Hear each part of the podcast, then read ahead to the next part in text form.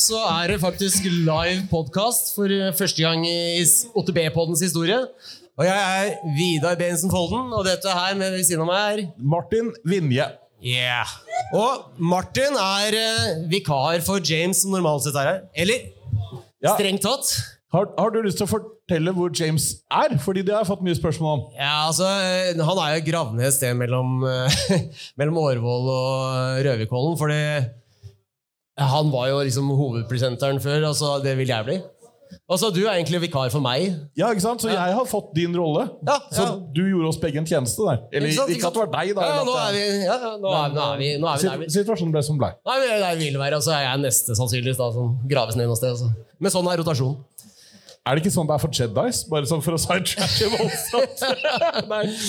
Ja, dette her er helt strålende. Uansett.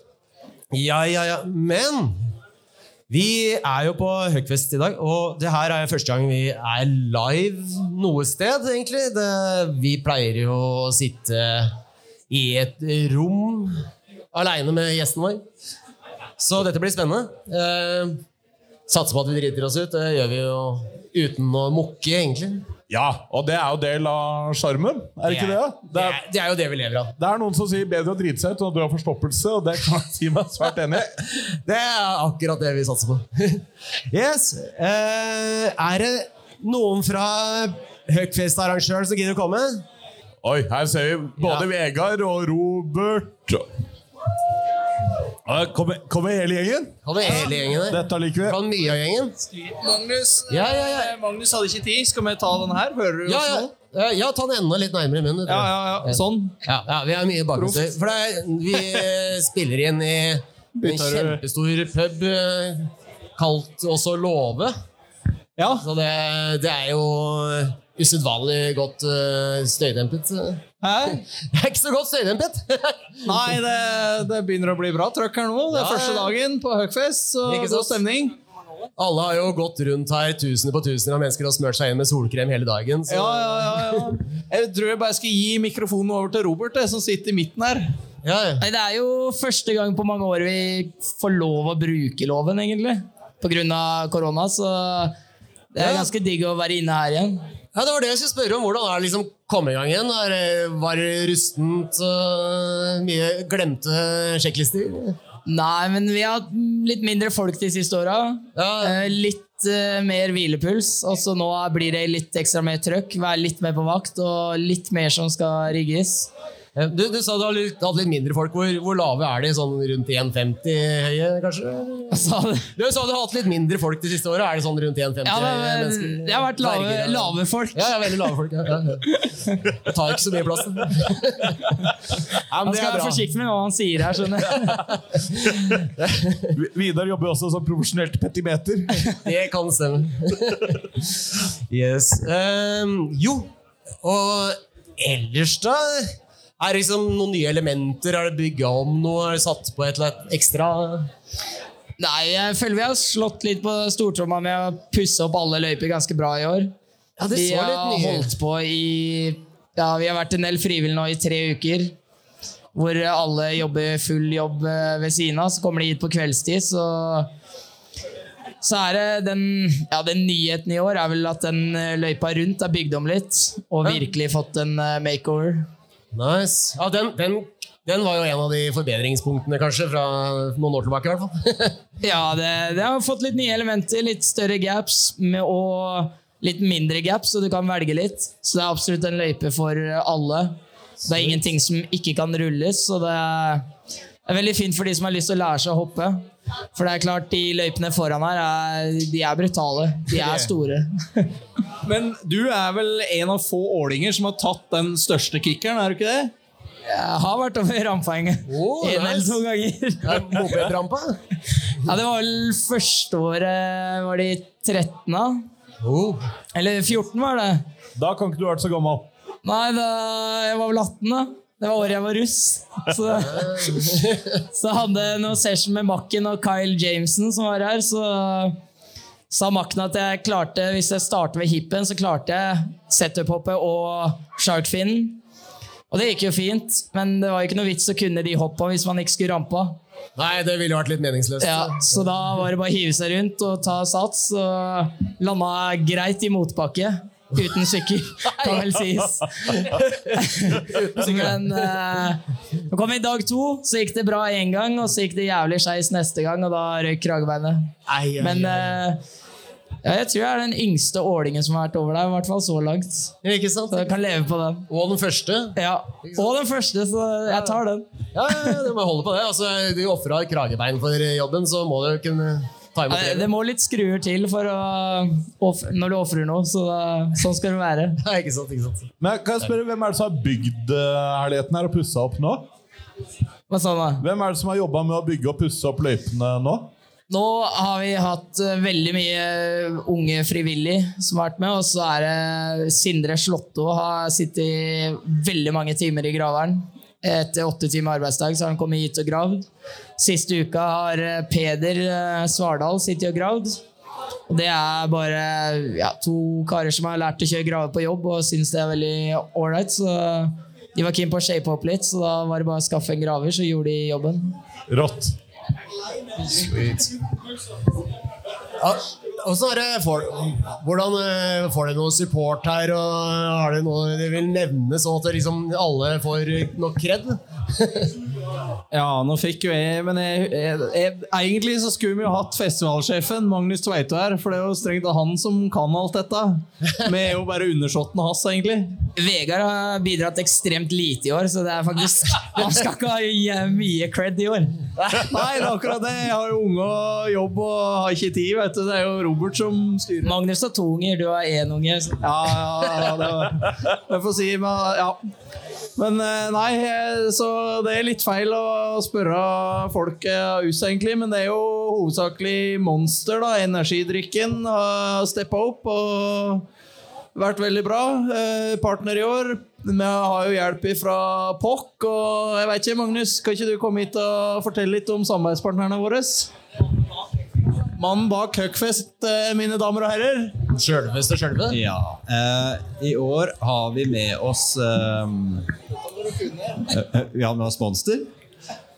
Og så har vi med oss eh, Gira. Og så har vi med oss Pock. Og så har vi med oss Canyon. Og så har vi med oss Pit Viper. Og så har vi med oss Specialized. Og så har vi med oss Norrøna.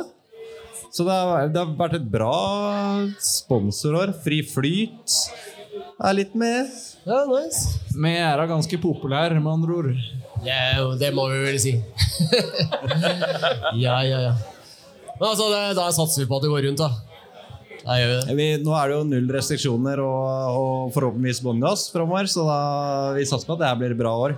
Ja. Er- det fortsatt mulig for folk å komme inn her, eh, eller er alt utsolgt? Eh? Vi, vi er vel ikke helt enige om hvor vi skal sette grensa alltid. Eh, men eh, hvis noen har kjempelyst til å komme, så går det an å smiske seg til et festivalpass. Må betale, så klart. Riktig, riktig. Gud, ja, men det er bra. Det er bra. Eh, kan jeg få lov til å skyte inn et spørsmål til samtlige i arrangørsofaen? Ja, det er en ting jeg er litt nysgjerrig på, for at dere har gjort dette i en del år nå. Og hva er deres det er sånn, Hver enkelt av dere, hva er deres favorittgreie med Høkken? Eventuelt favorittminne? Skal jeg begynne? Vi kan starte med Magnus. Favorittgreie det, jeg, jeg liker veldig godt når vi liksom har stengt campen på Torsan, og liksom biler fyller opp eh, veien ned til skisenteret. Liksom, det, det er liksom den viben der, når vi åpner campen og liksom Folk kjører inn får satt opp telta, liksom det fyller seg opp. Det, da, da kjenner jeg liksom ekstra på det, at det her, det her er kult. Det, det er dagen i dag, egentlig, som er ja, det, er da, oppturen. Ja. yes, det er dagen i dag som er liksom eh, ja, mest, mest spenning rundt for, for min del. da Ja. Nice.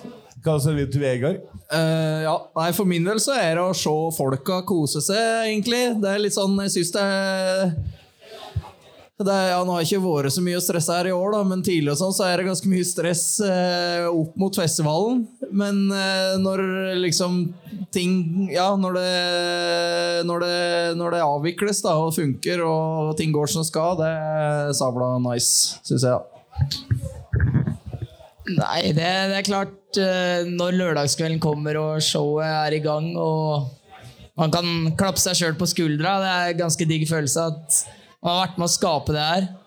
Men igjen så er de ukene før sinnssykt artig, det med den dugnadsånden og gravinga, egentlig. Eh, Å se alle som er villige til å bidra og har tid til å bidra. og er med ute i skauen og fjerner en stein fordi folk er misfornøyd. Så det der samholdet der, er- det gir meg mye, i hvert fall. Dette er Ådne Kvammen, da. For det glemte dere. Ja, Ådne, du må jo ha en favoritthistorie fra Høyken.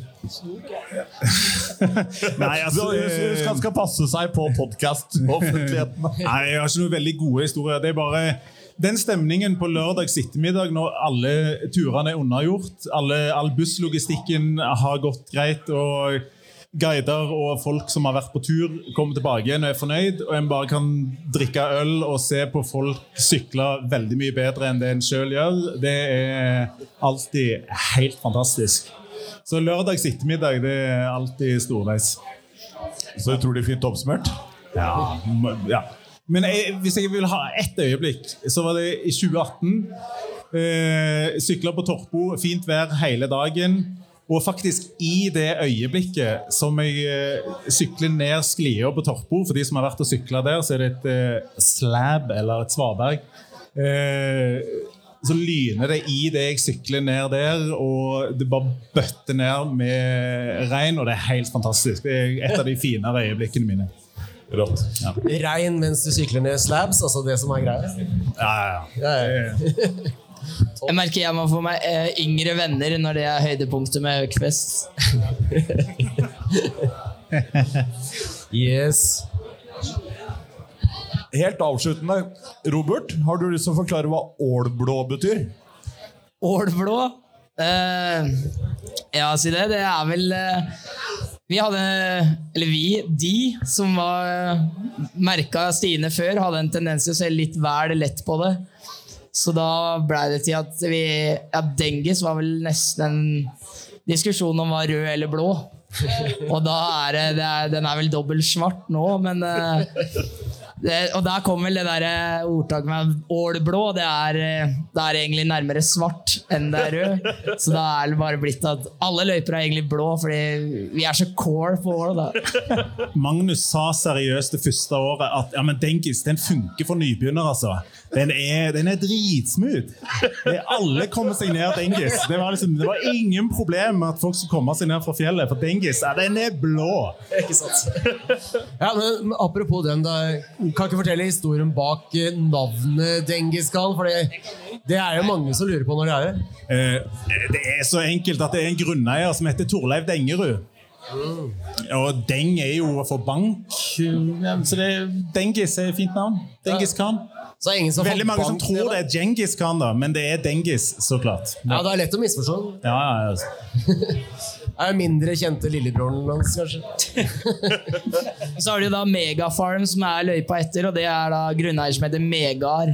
Ah, Så det er der navnet kommer fra. da. jeg var jo fyndig. da. Gjør det enkelt. Nesten like tørre som dere er i humoren. Ja, kanskje minst like tørre. Ja, ja, mens på denne tørre, men ikke så veldig tørrstrupede avslutningen lurer jeg på om vi skal høre med Makken om han har lyst til å komme. Ja. Er den her, da? Makken! Mats André. Har du lyst til å komme og sitte her litt? Ja, perfekt. Supert. Vi er som sagt i en bar her, så det er ikke bare bare å få oppmerksomhet. yes. Velkommen. Takk, takk. Velkommen. Er det her mikrofonen min? Det er mikrofonen. og du er egentlig nødt til å holde den ganske nærme munnen. Litt pga. bakgrunnsstøyen og litt pga. sånn funker mikrofonen. Ja, jeg hører generelt ganske dårlig, og det er det som er litt utfordringa. Du hører oss dårlig. Jeg hører ganske dårlig. Vi Det gjør så hører godt vi kan. Ja. Vil du ha hodetelefoner? Hode. Telefoner? Nei, jeg tror vi greier oss. Ja, for det kan ordne disse. Nei, vi prøver, vi prøver. Right, right, right. Ok. Nå, gutta, fornøyd? Ah, alltid. Ja, det blir bra, det her. Det er den følelsen altså, når man rigger opp på høkken. Ja. Da man kan gå og gruble og ha et uh, liv som er fullt av mye greier, men så fort som du er på det jordet her, Har du, har du vært på Økfest før, du? Ja, jeg har vært der eh, To ganger, i hvert fall. Ja, da har vi jo møttes før, da. Ja, ja, ja. ja. Og jeg har jo ikke, jeg har ikke gjort noe intro av deg ennå, for det her er jo bare ro rope. Men jeg skal ta en liten, da. God gammeldags intro. Ja, ja, ja. Eh, For usynlig, stillferdig, lavmælt og tilbaketrykket. Dette er ord som aldri har vært brukt om dagens gjest. Nei, jeg tror det stemmer, ja. ja. Om du har vært i Hafjell Bike Park noen gang, så er det stor sjanse for at du har sett han komme inn i heiskøen på forhjulet via en milelang stopp i. Sjelden veldig stille. Eh, Så velkommen til mannen som har de råeste vippene på den nordlige halvkulven, halvkulen og en av Norges mest profilerte friridesyklister. Og Hvis det er noen publikum her som hører etter, så gi makken en stor applaus! Yeah. Se, folk følger med, jo. Tusen takk, tusen takk. Det er gøy. Ja, så, bra. så, så kult at du kunne komme. Ja, ja, ja. Eller vi som kommer, men du kan bli med. ja. Nå er dere på mitt territorium, så det er bare å oppføre seg. Og Ja, det er gøy å se at dere ja, har lyst til å inkludere meg i dette her. Sånn høyteknologisk mikrofongreie. Ja. Høyteknologiske mikrofoner er liksom vår greie. Ja, det har blitt en ny greie, det. Ja. Eh, Så først liksom bakgrunnshistorie. Liksom, hvordan ble syklingen interesse for deg? Det var eh, oppe i Vang i Valdres, skjønte jeg? Vang i Valdres, odelsgutt. Nesten rødhåra, halv sjel. Ellers eh, blid og fornøyd. Um, turna og kjørte scootercross i veldig mange år, og så reiv jeg i stykker knærne mine, så legen sa jeg burde kjøre rehabilitering på knærne med å sykle litt. Og så bare blei det sykkel som tok av derifra, mest, mest på grunn av at um, alle kompiser hadde også råd til sykler. Det her var i den der første dirt jump-bølga. da.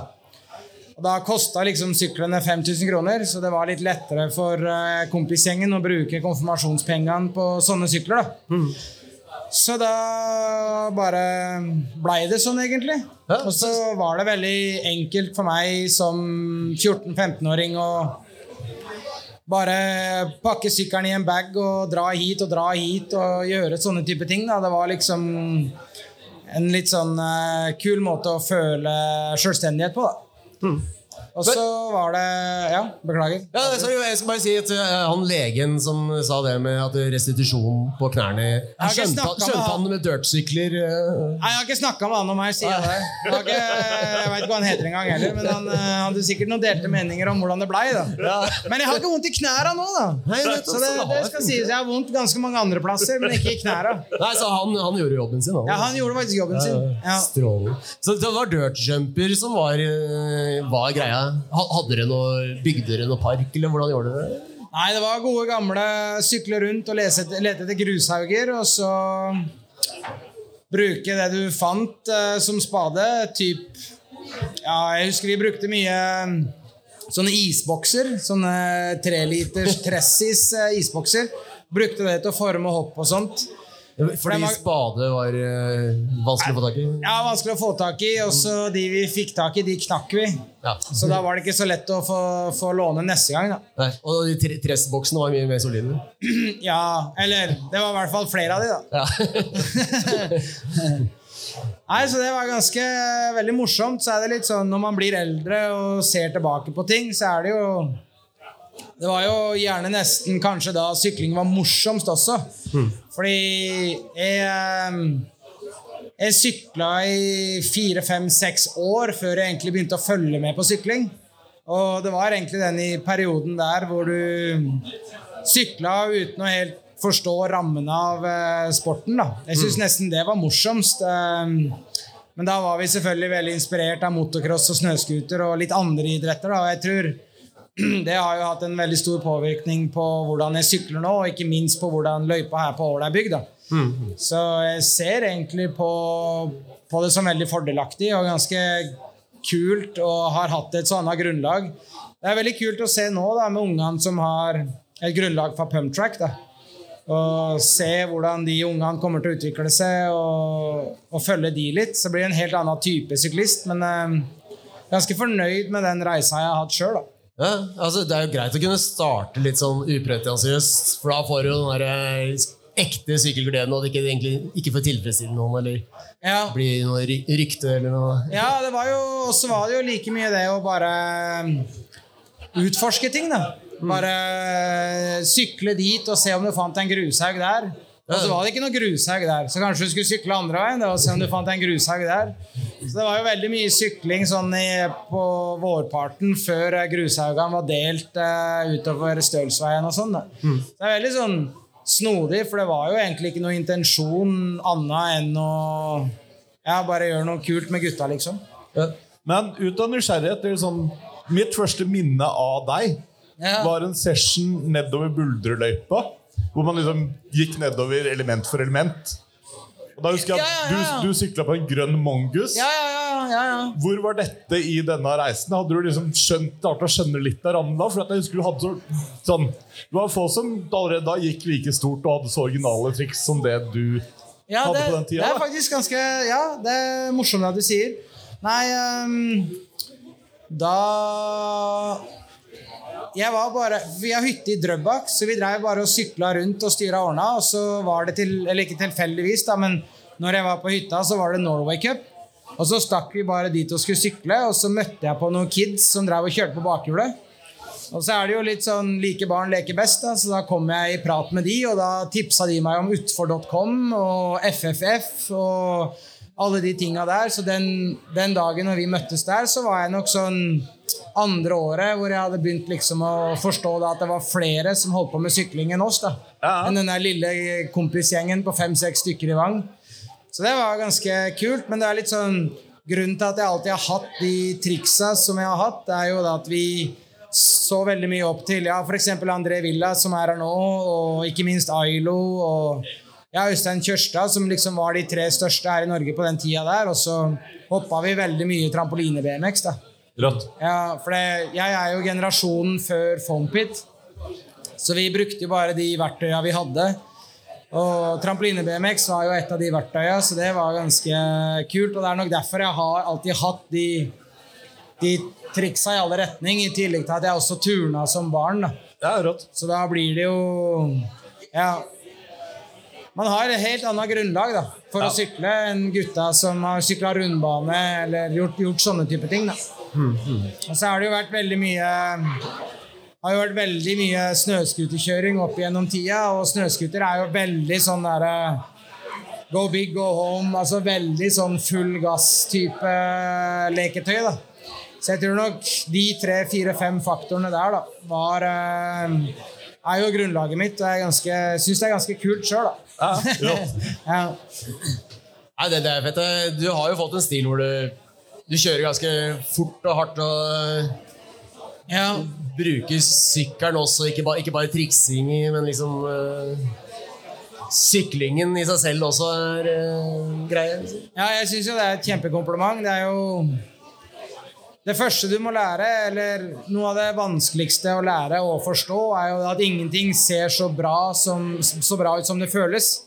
Du kan gjøre whips, og så føles det helt sinnssykt ut, og så ser du et bilde, og så bare Ja, ok, ja, kanskje vi skal fortsette å prøve litt, da. Ikke sant? Så det tok jo Altså Jeg syns jo det er kjempekompliment når folk komplementerer måten man sykler på, stilen, og ikke minst sånn som det du sa i introen med store whips og sånne type ting. da For det er jo Ja, for eksempel en whip er jo en veldig Den definerer jo gjerne hvor mye du har sykla. ja, det er work in progress hele livet, egentlig. Veldig, veldig, veldig. veldig Så det er veldig kult å høre. Ja, Ja, da, da, da må jeg hoppe, for jeg har egentlig har det som et punkt litt lenger ned. At det, hvordan pokker kan de gjøre en whip og så se bakover som en lookback, men samme veien som gjør whippen, og så likevel få den tilbake? Jeg skjønner ikke fysikken i det. Ja, der er det jo litt snikskryt, men de var jo jeg de første som begynte å gjøre. Det var det. Eh, og det er veldig mye tenking og veldig mye sånn eh, Min fascinasjon av å prøve å gjøre motocross-triks på sykkel. da Eh, og jeg har noen hemmeligheter, og jeg skal ikke begynne å fortelle de før alle andre har begynt å lære seg de. Nei, det, Men, det, eh, er greit å være aleine på Ja. det. Neida, neida, men det handler egentlig bare om å carve opp kickeren så mye som Altså, Alt handler jo om hastighet, og desto fortere du kjører, desto mer kan du lene deg. da. Og så handler det veldig om å finne en balanse i vekta på hjula. Fordi desto fortere hjula dine roterer, og desto tyngre hjula dine er, så kan du lene deg mer. Så et av mine triks er jo å kjøre doble slanger i dekka. Så jeg tar eh, en slange og klipper opp, og så legger jeg en slange inni og pumper det opp. da. Så hjula mine er jo veldig veldig tunge sammenligna med mange andres, da, som f.eks. kjører slangeløst. Ja. Og det gjør jo det at syk sykkelen oppfører seg veldig annerledes. Jeg merker det når du sier det der. For jeg merka men jeg er jo fra en helt amatørgreie. Bare satte på tilfeldigvis et veldig tungt forhjul fordi det andre var litt ødelagt. Og, med, og da hadde jeg tilfeldigvis også Da satte jeg på det, hadde tyngste downhill-dekket, for det var, det var det jeg hadde reservert for våte dager. Ikke sant? Og plutselig whippen ble annerledes. Ja, jo. Nei, men det er litt sånn ehm, Hvis det som roterer, er tyngre, så må du kjøre fortere for at det skal bli lett. da. Ja. Så sånne type, ti, sånne type ting, da, og sånn, sånn Reodor-felgen-type greier, da, som vi har holdt på med syklene våre fra vi var bitte små, er veldig morsomt, og det er litt sånn Jeg har alltid likt den derre prosessen da, med å utvikle Eller tilpasse syklene og, og forstå hva Bruke tida, legge inn tida til å forstå hvordan du må forandre, kall det verktøy, da, for å få det til å oppføre seg sånn som du sjøl vil. da. Så det er jo sånn, Jeg har nok antageligvis den eneste sykkelen ute her med griptape på, på gaffelen og sånne type ting. da, og Jeg begynte jo å sykle, sykle single speed på Daniel-sykkelen min i 2009, liksom. så det er jo og nå er jo sånn single speed-kit på downhill-sykkel blitt ganske standard, så det er jo Jeg sykla jo single speed på downhill-sykkelen min i ti år før, før andre i hele tatt begynte å tenke på det. Men, men grunnen til at du kjører det, siden det er jo ikke alle som har samme bakgrunn som hører på podcasten her, men grunnen til at du kjører det, er litt for å kunne kaste fra deg sykkelen uten å ødelegge den? Nei, det er rett og slett sånn som når du gjør eh, Når du slipper sykkelen da, med hendene, når du slipper sykkelen og f.eks. Uh, vinden tar tak i sykkelen din, eller du får et feilskjær opp bua, eller et eller annet sånt, da. så du ikke får sykkelen din rett under deg igjen, og styret vrir seg, eller sånne type ting, så er det rett og slett det at du skal ta og slippe å gripe rundt girskifteren. Oh, yeah. Ikke sant? At det da skal være mest mulig styre å få tak i, og minst mulig forstyrrelser sånn sett. da. Så det er rett og slett grunnlaget. Jeg kunne sikkert bare flytta girskifteren til en plass hvor han ikke var i veien, men for min del så var det bedre å bare kutte ut hele skifteren og hele kabelen og bare bruke. Den Gode gamle Apache-sykkelen hadde jo perfekt løsning. Ja, god, ja, ja. Det er en klassiker, det. Men det er en ting som jeg syns er litt interessant, fordi det er få folk og bare sånn som man hører deg prate nå, da. Du er jo veldig Det er tydelig at du tenker veldig mye over eh, alt rundt hva sykkelen gjør, hvordan ting funker. Og jeg merker jo det bare ved å sykle med deg i Hafjell også. Sånn, du ser så lett hva folk gjør, og du har en så sinnssyk sykkelforståelse. Ja. Uh, men så har du jo også Guinea-pig er ganske mye av det største greiene som har vært gjort i Norge. Ja. Og det å være så analytisk og likevel klare å skru på gassen når det trengs, da er jo en ganske unik kombo, egentlig. Ja, for det er litt den derre Det er litt den derre Den der sekundet hvor du bare Ok, fuck it. Nå går vi for det. Det er utrolig befriende. Og når du liksom først, først har begynt å bevege deg inn i den sona, hvor du forstår det at eh, du bestemmer deg for en ting, og så må du bare stole på ferdighetene dine. da. Det syns jeg eh, er en sinnssykt kul sånn eh, mental prøvelse. Og, og veldig det der å balansere frykta si, da. Fordi når man gjør sånne her type ting, så vil jo gjerne instinktene dine fortelle at det her skal du ikke gjøre. Men da syns jeg det er veldig kult å overstyre, overstyre instinktene. da. Ja. Og det er liksom den der mentale utfordringa der, da, hvor du gjerne Du må balansere følelsene dine samtidig som du må trosse deg sjøl. Og jeg syns det er en ganske morsom lek. Eh, jeg veit ikke hvor bra det er for deg i det lange løp, men, men samtidig så er det sånn Ting, vanlige ting ellers i livet blir veldig enkelt. Ikke sant? Ting som folk kan grue seg for ellers, blir veldig lite utfordrende når du er liksom vant med å, med å gjøre ting hvor hjernen din bare forteller deg at uh, hvis det her går dårlig, så dør du. Ikke sant? For det er jo det instinktene dine er der for, ikke sant? og vil alltid fortelle deg at det her kommer til å gå, kommer til å gå dårlig. Det er litt, det er litt Ja, det er litt det der. Det er veldig, veldig, veldig morsomt å drive med, altså. Ja. Men det er vel den der eh, analytiske parten som gjør det at du liksom kan Det er vel det som er den profesjonelle sida av å gjøre det jeg gjør, da. Ehm, fordi hvis du liksom skal presentere ting på en måte som gjør at du også skal få et økonomisk grunnlag for å gjøre, gjennomføre ting, så må du også ha, ha en eller annen analytisk vurdering på ting og, og alt sånt, sånt som det er. da. Så jeg vet ikke helt Jeg tror nok det er mer bare sånn jeg er litt av natur, sånn som det du sier der, og det er ikke noe jeg tenker over sjøl. Men det er ganske morsomt at du sier det. Jeg setter pris på at du gidder å si det. Ja, det er, men det er en veldig tydelig ting med det. For jeg ser mange sånn Bare i vennegjengen og sånne ting. Man har de som liksom starter å sykle og bare Altså jeg slenger dritten på veggen og ser han sitter fast. Og så Uten at det er så mye tanke, man bare ser andre gjøre ting, og godt så går Ja. man stort. Absolutt. Eh, og de ser sånn Igjen, uten en måte, uten at jeg tenker på noen konkrete, så er det nødvendigvis ikke folk som holder ut så lenge. da Ja. Og så er det mange som er sin egen verste fiende dag ut og dag inn, og sykler langt under nivå. Og det er noe med den balansen du tydeligvis har, da, med å ha litt av begge deler. Ja, ja jeg, nå, jeg, nå er jeg 35 år og har jo liksom reflektert over hvordan man har oppført seg og hvordan man har gjort ting i ganske mange år.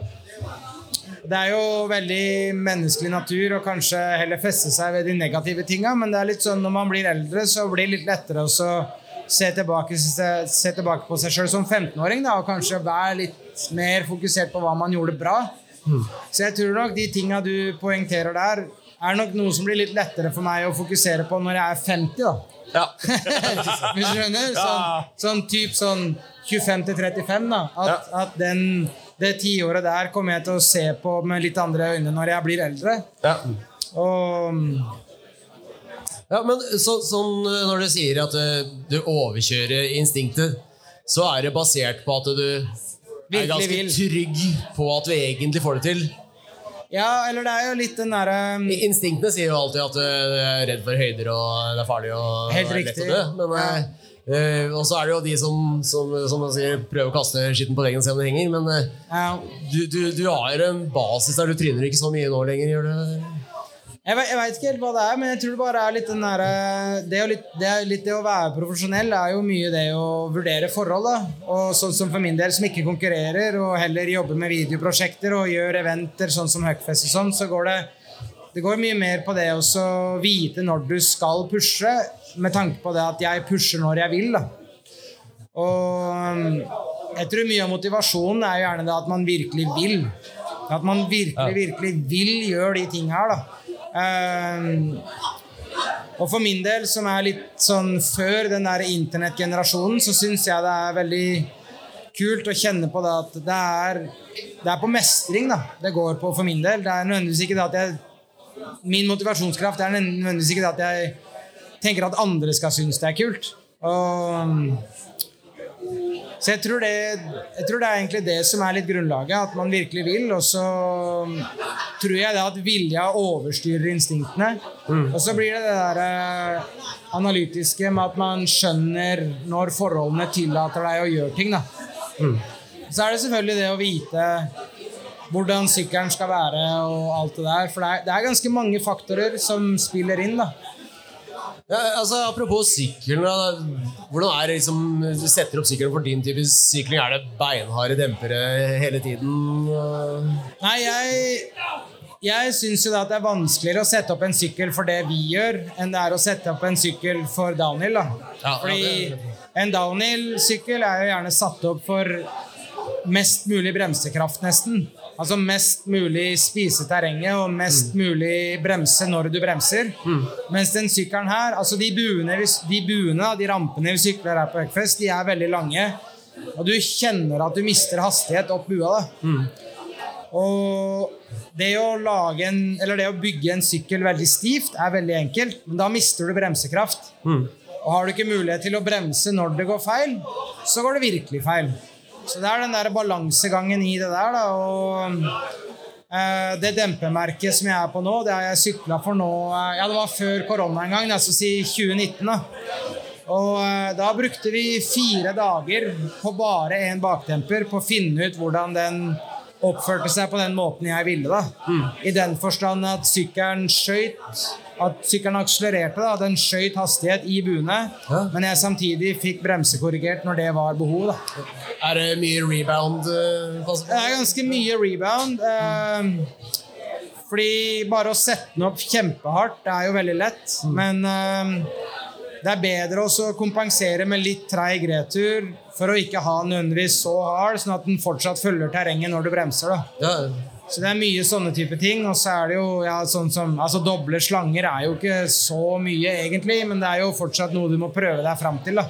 Det var en eh, stund jeg kjørte med bare dobbel slange foran, blant annet. Fordi det er jo framhjulet som uh, fører whippen, ikke sant. Så da var tanken liksom det, men så Ja. Så det er mye sånt, og så er det uh, akkurat nå om dagen så jobber jeg faktisk med en av sponsorene mine for å utvikle et styrelager som gjør at eh, styret roterer treigere. Sånn at når man eh, slipper styret da, og gjør en double grab for eksempel, og henger bak setet, så skal ikke styret rotere seg og sånn. Nei. Nei. Det er jo egentlig ikke noe sånn kjempeoppgave, men uh, utfordringa er jo da at um, du vil ikke at den styrelageret skal bygge noe mer enn det må, ikke sant? Så ja. Nei, det er veldig morsomt. bra. Det er, du, du tenker liksom på de, de tingene du har lyst til å gjøre. Modifisere sykkelen i retning der og Hele tida. ja. Hele tida. Tre- Treger du ned bottom bracket for å ikke miste pedalen? Og sånn? Ja, jeg setter opp kjedeføreren min sånn at den Uh, eh, presser på kjedet. Ja. Så bytter jeg heller bare den plastikken eller den uh, toppen av kjedeføreren oftere. Ja. Så den presser på kranken min, sånn at den ikke roterer. Det er mange som gjør eh, langt mer kompliserte varianter av det, men jeg føler bare at den er eh, Den er enkel å gjøre og enkel å bytte. Ja, det skal ikke så mye krefter til før krakken står stille. Nei, eller ja, det kommer jo an på hvilke triks du gjør, da. Ok. Ja. Sparker, sparker fra litt, så klart. ja. Tror du framtiden der er trådløs AXS eh, La oss si treiging av krank, så du kan gjøre crankflips, men også låse når det trengs? ja nei. nei, det må du Det det må du høre med Andreo om, tror jeg. Jeg tror Andreo er eh, personen å svare på det spørsmålet. Al altså, Jeg tror jo at vi kan GPS-lokalisere det. Så at det hoppet jeg, kan pro- programmere inn på forhånd. Så det hoppet der har jeg lyst til å Ikke at kranken skal gå rundt i det hele tatt. Ja, ikke sant? Perfekt. Nei, jeg vet da søren, jeg. Jeg tror, eh, jeg tror det kommer til å være en stødig produktutvikling, men jeg tror liksom ikke at de største produsentene kommer til å bygge de syklene vi har behov for, egentlig. Nei, det sånn egentlig nødvendigvis, da. Men eh, det blir vanskelig å Eller ikke vanskelig, men jeg tror ikke det at eh, det største salget ligger på de delene jeg etterspør. Nei.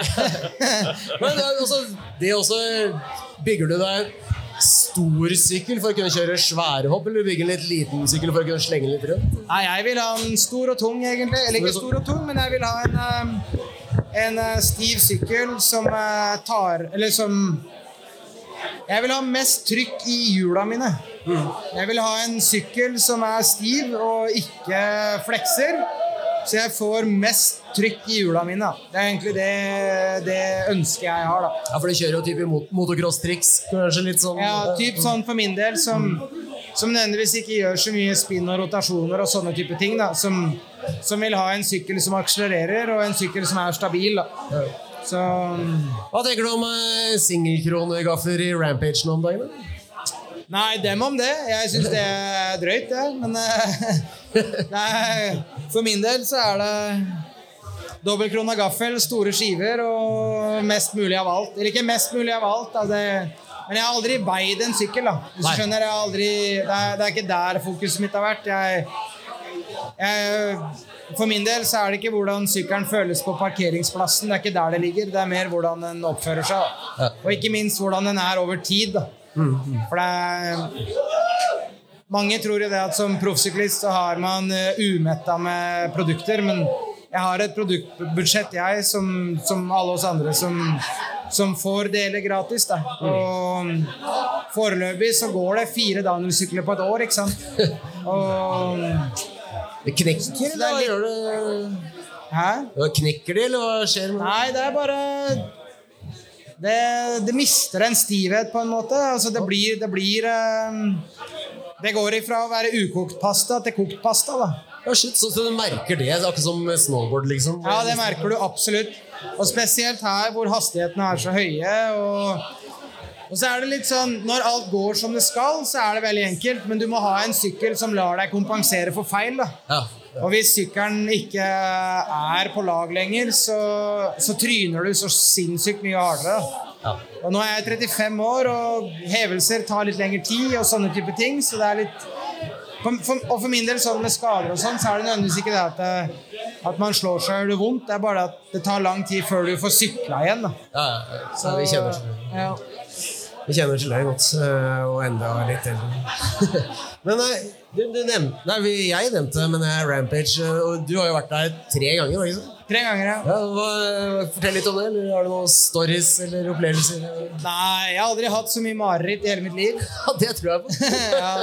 Nei, du går jo rundt der hele tida og bare Ok, altså og Syklinga er jo en ting, men Rampage er så mye mer enn syklinga. Og der kommer jo virkelig det der analytiske inn i bildet. da, og det å forstå hvordan sola Eller hvordan hvordan vinden eh, er i sammenheng med sola og sånne type ting. Og ikke minst sola i øya og alt det greiene der. Og så når du da skal begynne å bygge løypa di, så henger du utafor skrenter, og ting er eh, ikke så veldig gunstig. Og så ser, eh, ser du for deg at ok, hvis jeg mister grepet her, så dør jeg. Hvis jeg detter ned der, så dør jeg.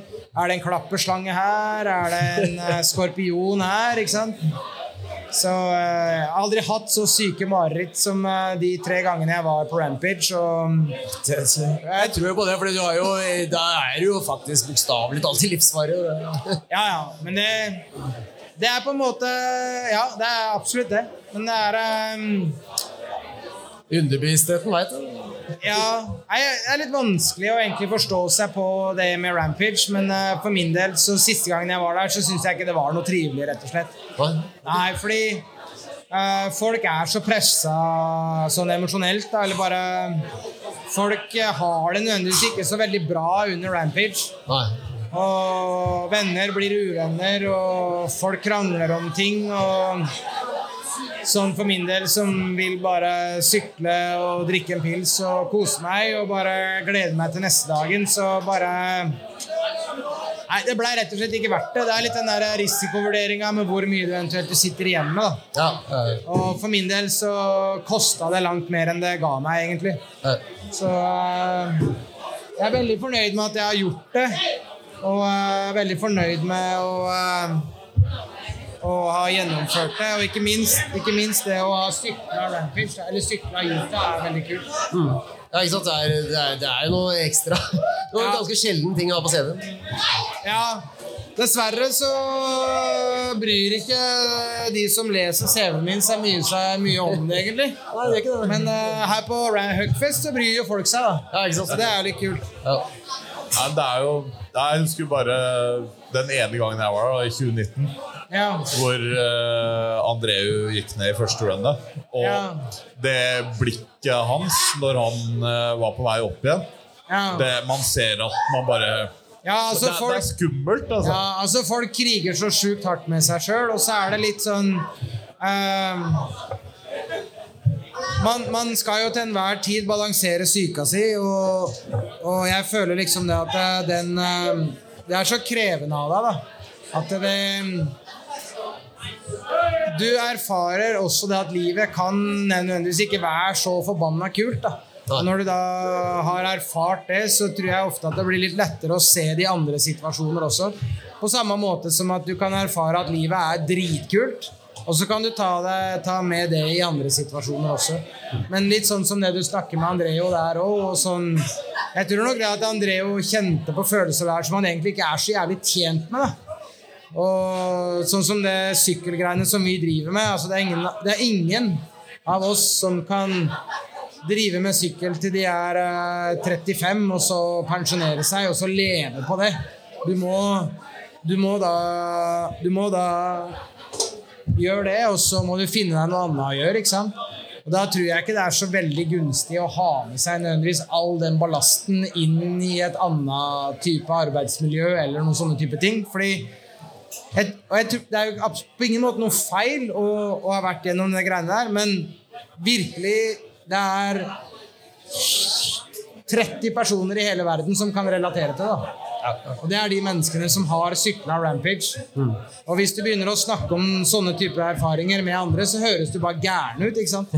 Så det, er- jeg tror det er litt det greiene der som jeg, jeg så komme da, med tredje gangen jeg var der, som gjorde at jeg skjønte at det her er jeg egentlig ikke så veldig tjent med. Nei. Men og så har de gjort det tre ganger, så har de vel gjort det nok. Hva sa du? Har de gjort det tre ganger, så har de kanskje gjort det nok. Også. Ja, ja, jeg følte litt det, da. Ja. Og så Nei, Det var på en måte Det var nok, egentlig. Ja. Men, men eh, det er jo en litt spesiell konkurranse, men generelt sett ditt forhold til konkurranser, kan du fortelle litt om det?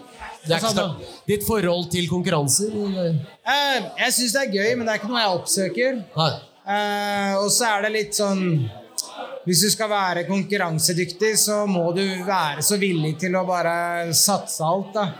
Og Jeg føler på en måte ikke at det er de beste syklistene som vinner konkurranser, og jeg ønsker å være den beste syklisten jeg kan være. Og Det gjør det at jeg heller bare velger å gå i en litt annen retning da, enn nødvendigvis den der eh, konkurransegrenen. Og så er det litt sånn Jeg føler at gjerne de som sykler konkurranser, de bygger mye sjøltillit og sjølbilde på, på konkurransemennesket de er. da. Du er bare konkurransedyktig i si fem til åtte år. da. Ja. Da føler jeg på en måte at du har eh, bygd eh, sjøltillit og sjølbilde på kanskje ikke så langsiktige grunnlag. da. Nei, nettopp. Så er det jo, det kommer litt an på hva du ønsker og hva du ser for deg, men sånn som for min del nå, som er pappa og, og gjør sånne type ting, så vil man jo Altså det, det krever jo en innsats, og det krever jævlig mye energi å være den beste versjonen av seg sjøl. Ja. Og jeg tror da at den beste versjonen av meg finner du ikke på en konkurranse. Så, Skjønner, skjønner. Nei, nei, så det, er- det er jo også I eh, type aktiviteter som, som eh, innebærer mye fare, så er det jo litt annen type miljø, egentlig. Man må ha det gøy for å gidde å utsette seg for sånn eh, fare, egentlig. absolutt. Det, det, Absolutt. Og så er det eh, Jeg har nok også vært ganske økonomisk fokusert på det greiene her, og jeg føler ikke at den økonomiske verdien er verdt det. nei. det er, eh, jeg syns sykkel har altfor små premiepenger, og da gjør jeg heller andre ting, altså. Og ikke minst sånn Sånn som å vinne Rampage, da var det de vinner da? 20 000 dollar eller noe? Ja. og det, Hvis du bare sier det, så høres det greit ut. Se på Men, Fortnite. men for, å, for å tjene de 20 000 dollar, så er det så sinnssykt mye innsats. Ja. Og, og tilrettelegging, og ikke minst pengebruk for å tjene de pengene, som gjør det at Altså, tjen- Fortjenesten din er kanskje 1000 dollar. da. Ja. Og da, da gjør jeg heller andre ting, rett og slett. Og spesielt når du legger inn på det aspektet med, med hvordan det er eh, for hodet ditt også. da. Ja, det er jo noe som man har sett også. Eksempel ta andre altså, Med Red Bull som sponsor Rampage, og se på Red Bull e-sports-event, Hva man får i pengepremier der. Hva var det for noe, sa du? E-sports-event. Altså, som Red, e- ja. gamere. ja, Ja. gaming som Ja. Red Bull arrangerer, og det, er sånn, det står ikke i still i det hele tatt. da. nei. Men alt handler om øynene på skjerm, og det er jo det samfunnet man dessverre lever i. da Ja. Dessverre så er det sånn. Men med det, det i tankene, du tenker freeride kommer det til å endre seg i fremtiden? Etter folk, folk vil ha pengene sine? Jeg føler at uh, de her ting vari varierer uh, like mye som uh, hvor trendy en hårklippe er. Ja, jeg tror. Jeg føler at alt bare går i bølger, og jeg bare veit hvilken sjanger sykling jeg liker, og jeg bare holder meg til den. Um, og det er veldig gøy å se nå, ikke minst med alle ungene. Nå kommer det virkelig en ny sånn freeride-generasjon. Ja, det sett. Og eh, jeg ønsker virkelig å hjelpe de ungene det jeg kan, så nå driver vi og planlegger å gjøre camper her på Huckfest. Så vi prøver å planlegge tre camper da gjennom, gjennom sommeren her, for det er sånn Jeg har solgt litt sykler til, eh, til veldig talentfulle kids som er sånn Altså, Jeg veit jo ikke hvor gamle de er, men si de er eh, mellom 12 og 14 år. da. Og de forteller meg jo at de kjører bil til Frankrike for å sykle hopp som er like de på Huckfest. Oi, Og da blir jeg jo sånn Det, jo, det blir jo for dumt, ikke sant? De jo her, de altså, kan vi ikke heller da bare legge til rette for at de kan komme hit til Huckfest og sykle? de? Så jeg prøver å gjøre det nå, og vi skal prøve å arrangere en camp nå etter uh, Huckfest. Og um, Ja, det er rått. ja, bare jeg, sånn, Mine langsiktige mål sånn sett, da, med tanke på freeway-generasjonen, er gjerne å binde det svenske og det norske miljøet litt mer sammen. Eh, svenskene er eh, langt bedre enn oss av å spille på lag. Jeg føler at nordmenn sitter veldig på sin egen tue og roper veldig høyt. Mens eh, for å bli skikkelig flink, så du tjener så mye av å se på andre sykle og dele erfaringer, og ikke minst det sånn som for min egen del. Altså, eh, jeg har vært veldig aleine i 15 år om å gjøre det jeg gjør, og jeg har greid det helt fint. eh, I den forstand at jeg tror virkelig på mine egne tanker. da I den forstand at jeg eh, Hva skal man si? Jeg, ja, jeg tror på det jeg vil, da, og det jeg mener. Mens eh, jeg ser det også nå at det hadde sikkert vært veldig fordelaktig for min del å kunne dele tanker og meninger, og ikke minst kjenne på Ikke være aleine om å være så forbanna redd hele tida, da. Ja, ikke sant? Så jeg prøver liksom å legge litt til rette Eller mye, av tanken nå er å legge til rette for den neste generasjonen at de at de, at de kan på en måte ikke, la, ikke, ikke kalle det et lag, men samtidig skape et samhold da, som gjør at ungene kan utvikle seg i lag. Og jeg tror også det at hvis vi legger til rette for at ungene kan utvikle seg i lag, så vil vi få mindre frafall fra sporten når gutta får lappen og skal begynne å pule. ikke sant? For den, den overstyrer jo ganske mye. ikke sant? Og det er jo en veldig liten prosentandel som fortsetter med idretten når de har fått lov til å kjøpe pils og sjekke damer. Ja, ja. Ja, ja. Det er jo bra. Og eh, som du sier, i Sverige så har de i hvert fall på Slopestyle greid å lage en helt sinnssykt miljø. Det er folk du aldri hørt om der som tar doble backflipper på eh, hva som helst. Helt klart. De har den skola si, den Falun-skola. Og jeg ser eh, veldig mye til Sverige og hvor bra de gjør det. Og de har eh, De siste 15 åra så har de alltid hatt toppsyklister, og det syns jeg er veldig respektabelt. Og jeg syns på en måte at eh, miljøet, miljøet trenger profiler.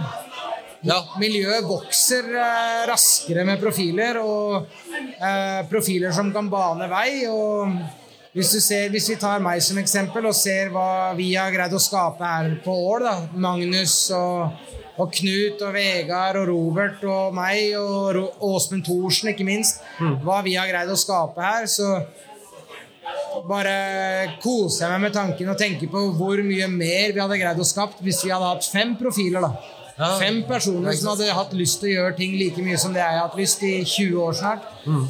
Så ehm, Nei, så det motiverer meg jo veldig da, til å legge inn en ny type innsats og, og ta det videre. For, det var, for et par år siden så var jeg ganske lei av å sykle. Men å se den nye generasjonen nå gjør meg veldig veldig interessert, eller veldig veldig sykkelsugen. da. Ja, sweet. Ja, det er strålende. Det er jo fint å få ført videre miljøet. Ja, absolutt. Og så ikke minst å se da at innsatsen man har lagt, ikke går til svinne. Altså at det, det har også planta mye frø. da. Ja, ja. Du, du har jo hatt noe annet prosjekt også, Macken the Tourist. Ja, legget ut litt om det? ja det, det blei to prosjekter. Um, Det er gamle prosjekter. Nå jobber jeg med mitt eget prosjekt som heter Lokal Pokal. Et produkt av bygda. Så nå skal vi eh, lage en eh, dokumentarfilm eh, sammen med gutta. Og det her blir nok det siste videoprosjektet jeg blir å produsere sjøl.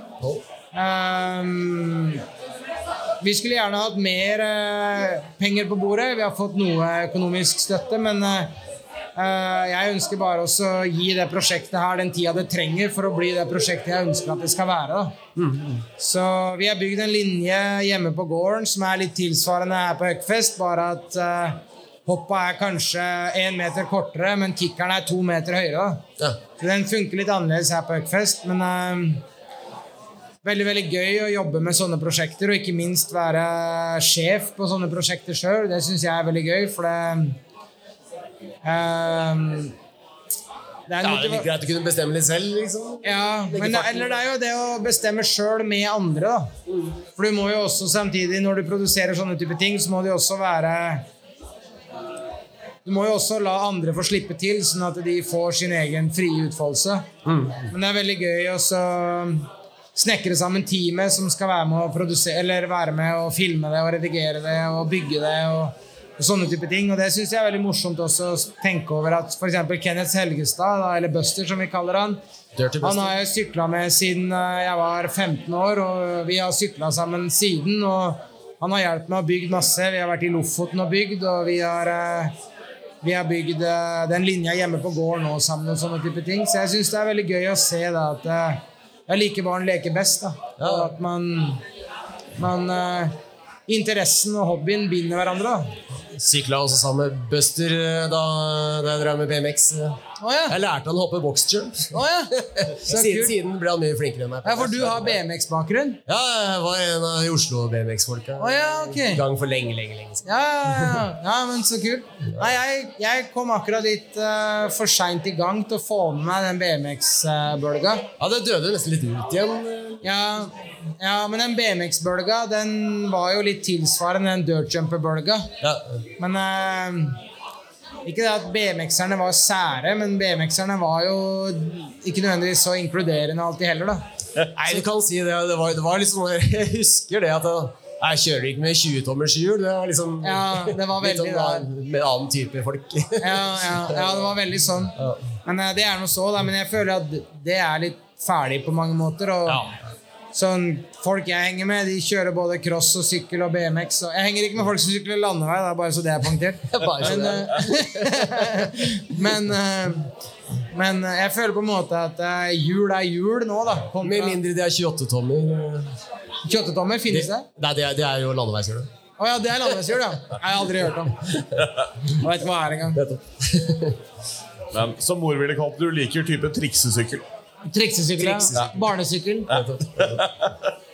Ja, du fikk, eh, altså, Blant folk med, som visste hva det var, så kunne det være litt kult å komme med en BMX, men fikk aldri noe respekt av damene når det kom med sånn barnesykkel. Nei. Ikke i det hele tatt. Nei, det blir jo litt nisje. Ja, ja, det gjorde det. Altså. Men eh, vi har jo egentlig eh, aldri noen gjester uten at vi får innom skriftestolen. Ja, det var det der, ja. Ja, ja, Ja, stemmer det. Ja, ja det, er, det er jo greit å liksom uh, få ting ut og få letta samvittigheten og Ja, få litt stemmer. tilgivelse. Ja. altså. Jeg, Jeg vet ikke, jeg tror jeg er så skamløs altså, at jeg har ingenting, egentlig. Jeg har ikke noe skam. Men jeg kan jo kanskje altså Martin har jo Vi har jo kjent hverandre lenge nok til at du kanskje har sett noen sider ved meg som jeg kanskje burde ha skrifta over. Jeg ser ingen svakheter. Jeg tror, vet, du hva, vet du hva, faktisk, jeg er dårlig på å dusje.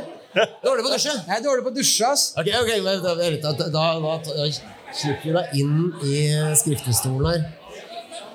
Oi, kan vi se. Er det skriftestudio? Sånn, ja. Og så er vi jo i en kirke. Er det kirka? Ja, det er munkene som synger. Hæ? Ja, det er munkene som synger. Ja. Nei, men det er bra.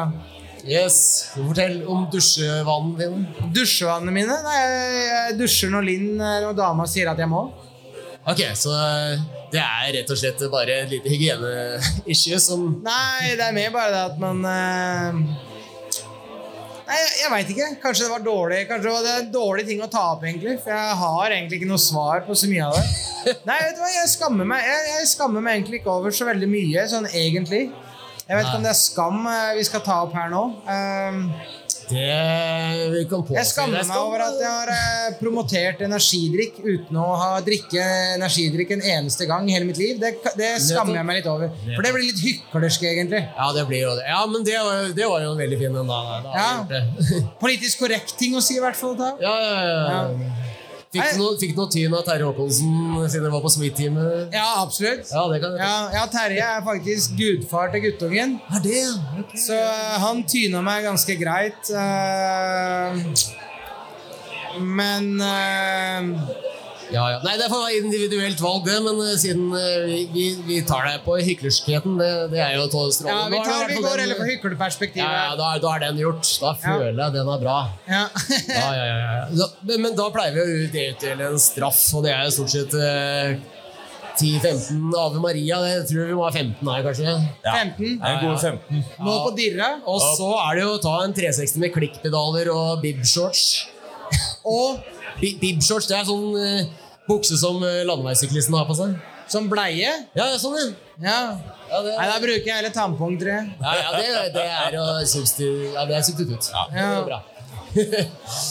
ja, men det er supert. Og klikkpedaler har jeg aldri prøvd, så det kunne jeg gjerne tenkt meg. Faktisk aldri prøvd heller. Men eh, noen elsker den. Ja. Ordner seg snille gutter. Det må være veldig lett å ta 360 med klikkpedaler. Med eh, hva da? Med klikkpedaler så det må være lett å ta 360. Alt. Ja, er det det? Ja, la oss ikke gå inn på det nå. Nei. Yes. Jeg er ikke rette mann å spørre, i hvert fall. Nei, nei.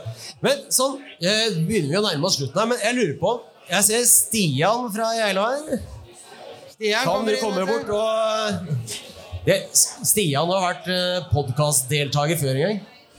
Og nå Skal han ha den mikrofonen ja, her? kan gi til han. Vi skal- Da takker jeg for meg. Du, utrolig kult å prate med deg. Veldig hyggelig. Veldig, Veldig mye hyggelig, ja. fine komplimenter. Ja, det var veldig hyggelig at du kom. Som jeg ikke får av dama, og det er bare der jeg får komplimenter sånn ellers. Så det syns jeg var veldig trivelig. Ja, Og så eh, vil jeg introdusere Stian som eh, en veldig trivelig sjel fra Geilo, som jeg har kjent og holdt Ja, vi har kursa kids i lag, og det syns jeg var veldig gøy. Og eh, nå syns jeg det er veldig inspirerende å se hva Stian gjør nå, og um, heie på deg. Yo. Får, det- får det holdt? Sett den på bordet, skal jeg rulle meg inntil. Jeg kan ta Og jeg kan sette ned. Der, vet du. Burde vi ha satt en mikrofon litt høyere? Så skal vi gjøre det. Ja, ja. Ja, du får det til. Perfekt. Jeg får lage masse lyd sånn uten uh... Du må rette den litt mot deg. For det som er problemet. Der, ja. Der, ja. Det er perfekt. Det, der, det så, så, så helt riktig ut. Jeg blir sittende feil vei, da. Ja, Det får vi leve med. det får vi leve med. Men uh, siden du var på podkasten sist, så, dere, så uh, har du jo faktisk den derre uh, innsamlingen fullført. Skal vi se. Kanskje vi får hjelp til å holde Holde Vil du rette? Vil du rette? Den Vil du den må være sånn relativt nærme munnen. Ok, jeg fikk Trine her til å, nei, Stine her til å være miksativ. Takk, Stine. Yes. Jo, jo du, du har jo egentlig fått tak i den uh, sykkelen dere har samla inn? Ja, det, det stemmer eh, til en viss grad. Eh, Jeg har fått eh, sykkel, men ikke den jeg samla inn til. Nei. Eh, Men den har jeg begynt å betale, betale på, så den kommer. Den er en demo her nå i dag, med Sigurd, Oh, ja. som har samme som den jeg har samla inn til. Mm. Så det, det gleder jeg meg veldig til. Men den jeg har nå, er jo frihet på tre hjul. Ikke sant? ikke sant? Oi, nå kommer jeg på at det er kanskje ikke alle som hører på den her, som har hørt på den, men uh, Stian uh, uh, ble jo lam fra Jeg vet ikke akkurat hvor du er. Jeg ble jo egentlig lam fra nakken og ned, Ja. så eh, alt som er under eh, å si adamseplet, er bonus. Ja, ikke sant? Så har du jo fått igjen litt bevegelse, men ikke Ja. så voldsomt. Og Ja, så, jeg, hadde, jeg hadde en operasjon i fjor som gjorde at den fikk ganske mye bedre funksjon. Eh, og så eh, har jeg egentlig bare stått på og trent og fått meg sykkel nå i sommer. Så da har jeg sykla Jeg runda 500 km i dag Oi. på sykkelen, men jeg vet jeg ikke har målt alt. Så rått. ja, det har blitt noen kilometer på grus, da. og dette er en sykkel du bruker armene til Da. Det er eh, armsykkel. Er det, er det en Honda? Om det var Om det er en Honda? Det er en hånd, da! Stemmer det. ja, ja. Men, Og du, du brukte jo den nå for å sykle fra Geilo til Ål? Jeg tenkte jeg måtte jo prøve å sykle til Huckfest en gang. Så da ble det i år. Og det var jo eh, en, eh, det var en god opplevelse, altså. Var det? Jeg kan tenke meg. Det var 40 og noen gode kilometer på grus. Full send med goggles, for forhjulet spruter jo så mye grus og sand opp at eh, jeg har et sandtak oppå huet når jeg kommer eh, etter ei mil. Men eh, nei, det funker. Ja, strålende, strålende. Så, så, men det å det, det er ikke vært så alle som har tatt downhill-sykkelen sin og sykla fra Geilo til Ål for å bli med her, så det er ganske bra. Nei, det, det, men altså det, det, er, det er nok litt lettere å sykle den her enn DH-sykkelen jeg hadde. Jeg tror det. Ja. ja. likevel er strålende. Men det går bra med deg? Du, det går eh, stadig bedre, og eh, det er jo Du får jo litt sånn Jeg fikk jo livskvaliteten litt tilbake igjen eh, når jeg fikk meg sykkel. Og kan stikke ut og være ute på mm, egen hånd og eh, få tømt huet litt og al altså gjøre sånn som jeg pleide å gjøre tidligere. Det gjør veldig mye for eh, Ja, for livskvalitet. Ja, så det godt. Det er veldig godt å høre. Det er veldig godt å høre. Ja. Kan, kan, nevne For de som ikke veit det, så var jo Stian eh, han som lagde møllet på undertegnede. Stemmer på det. Huckfest 2019, var det Nei, jeg var ikke 19. Da var jeg på sykehuset. Men 18, tror jeg det var. Hæ? Eller var det 18 eller 17? Det, ja, 18 må det ha vært. 18, ja. Det var det. Det stemmer. Ja. Da har Mølten vart siden 2018, og det var jo du som eh, Ja. Ja, eh, hvem sin idé Fikk det der var? Det er Hackfest-trend siden det. Ja, ikke sant? Det, Nå skal jo tydeligvis alle ha møllet, så nå må vi jo nesten finne på noe nytt snart. Da. Ja, nå, eh, altså, nå er det vel bolleklipp som er neste, er det ikke det? Ja, det Hva er det heter? Normcore? Er ikke det Normcore, ja. Ja, ja. Ja. Det, er det, det er det som er nye hotte nå. Altså. ja, ja. Vi får vurdere det til Hucken neste år, da. Jeg lever så greit med det her, for jeg har jo ikke muligheten på det sjøl. Så jeg kan jo bare presse på alle andre. Ja, men det er strålende. Eh, Ja, da Vi utfordret jo folk til å komme om de har lyst til å komme med et eh, eget skriftestolinnslag. Jeg vet ikke om det er noen som har lyst til å ta beitet i publikummet? Ønsker du å skrifte? Det, jeg skrifta jo forrige gang. eh, Skrifta forrige gang, så da er ikke nødt til Men har du noe, så er det Og da, da sa jeg at eh, jeg har jo hatt en eh, lang periode der jeg sykla grusritt. Eh, og da hadde jeg veldig mye bar-ends. nettopp. Ja, og gjerne sånn bar-ends med bøy på. Ai, ai, ai. Og det var jo egentlig ganske fælt, men jeg føler på en måte at jeg har eh, gjort Altså, jeg har eh, tatt eh, skriftlig Ja da. Du har eh, Altså, skrifta for det og gjort eh, Jeg vet ikke hva mens heter på norsk. Jeg. jeg Make amends. Ja, det er det ikke. Eh, men eh, men eh, nå har jeg gått til det skrittet at jeg har kjøpt bar ends igjen. For på den sykkelen jeg har nå, så må det stadig vekkes ting. Og da er Barents kjempefint, for du kan kappe de i alle rare vinkler og sånn. Og skru de sammen. Så jeg har funnet eh, Jeg, må nesten trekke meg på Barents. Så det verste jeg har, er vel egentlig at jeg hadde tre år uten sykkel. Ja. Ja, det, det er det egentlig de tre årene jeg angrer på. Ja, det er skrekkelige Ja. tre år. Ja, det var jo Å, fytti rakkeren. Men vi kan jo like så godt spørre da Stine Ernst, som sitter her og er mikrofonholder. Som eh, jeg trenger jo nesten en liten introduksjon også. Du har jo vært litt primus motor i Jentekjørt-gruppa, som har eh, tatt Norge med storm, kan du vel si, de siste årene. Ja, Så, stemmer det. så du, du må jo ha noe svin på skogen og noe som kan skriftes på. Snill pike, jeg, Martin. Hva, hva sa du? En snill pike. Da, da er det desto viktigere å skrifte sine synder. Nei, Hvis det er noe jeg angrer på, så er det at jeg ikke begynte å sykle før. vil jeg si. Det er liksom... Det i seg selv er jo eh, noe av det mest syndfulle vi har hørt. Ja. Når, hvor, hvor sent var det du begynte å sykle? Når jeg var 31. Oi, oi, oi! ja. Ja.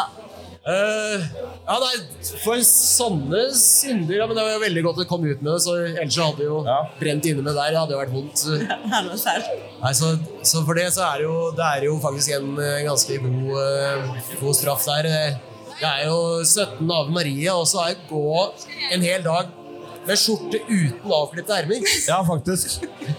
Og så er det jo en straff i deg selv, det å ha vært 31 år uten sykling Ja, også. det straffer Ja, seg det er sant. Jeg tar den. Strålende, strålende.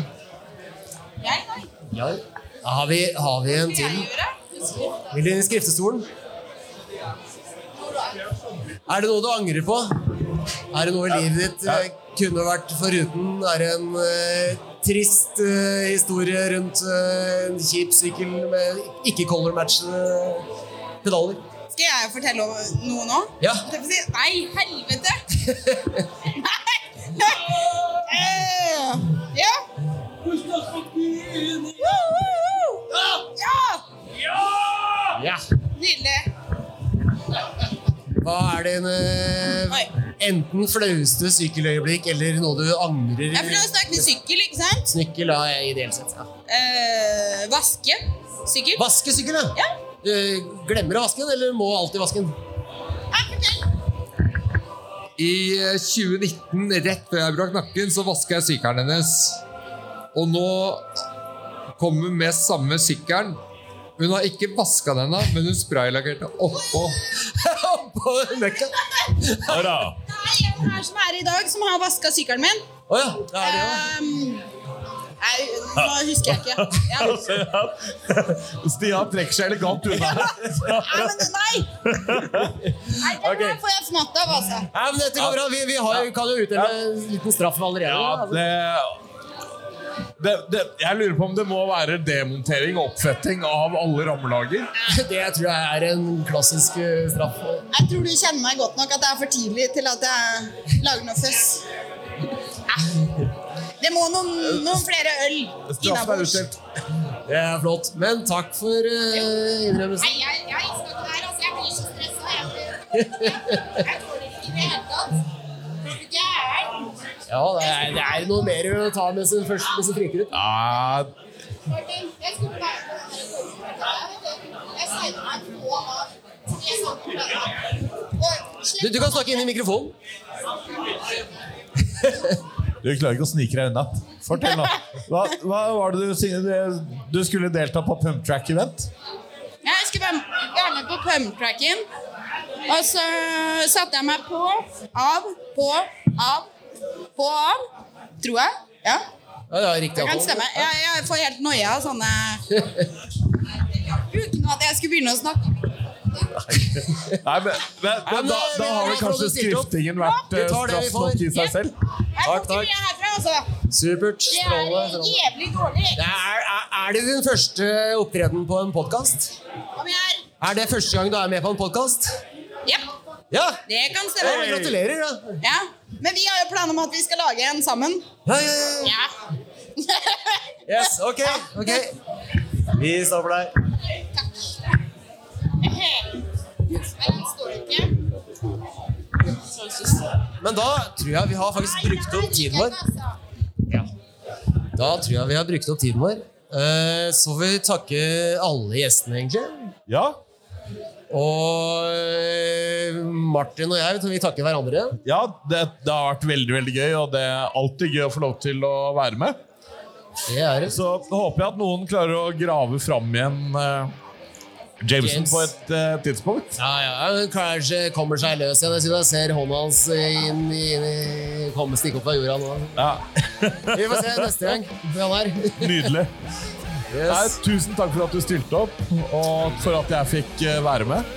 Det blir strålende. Så, så får vi avslutte vår første livesending ever. Det gjøres vel med en skål, gjør det ikke det? Skål. Skål! Hei!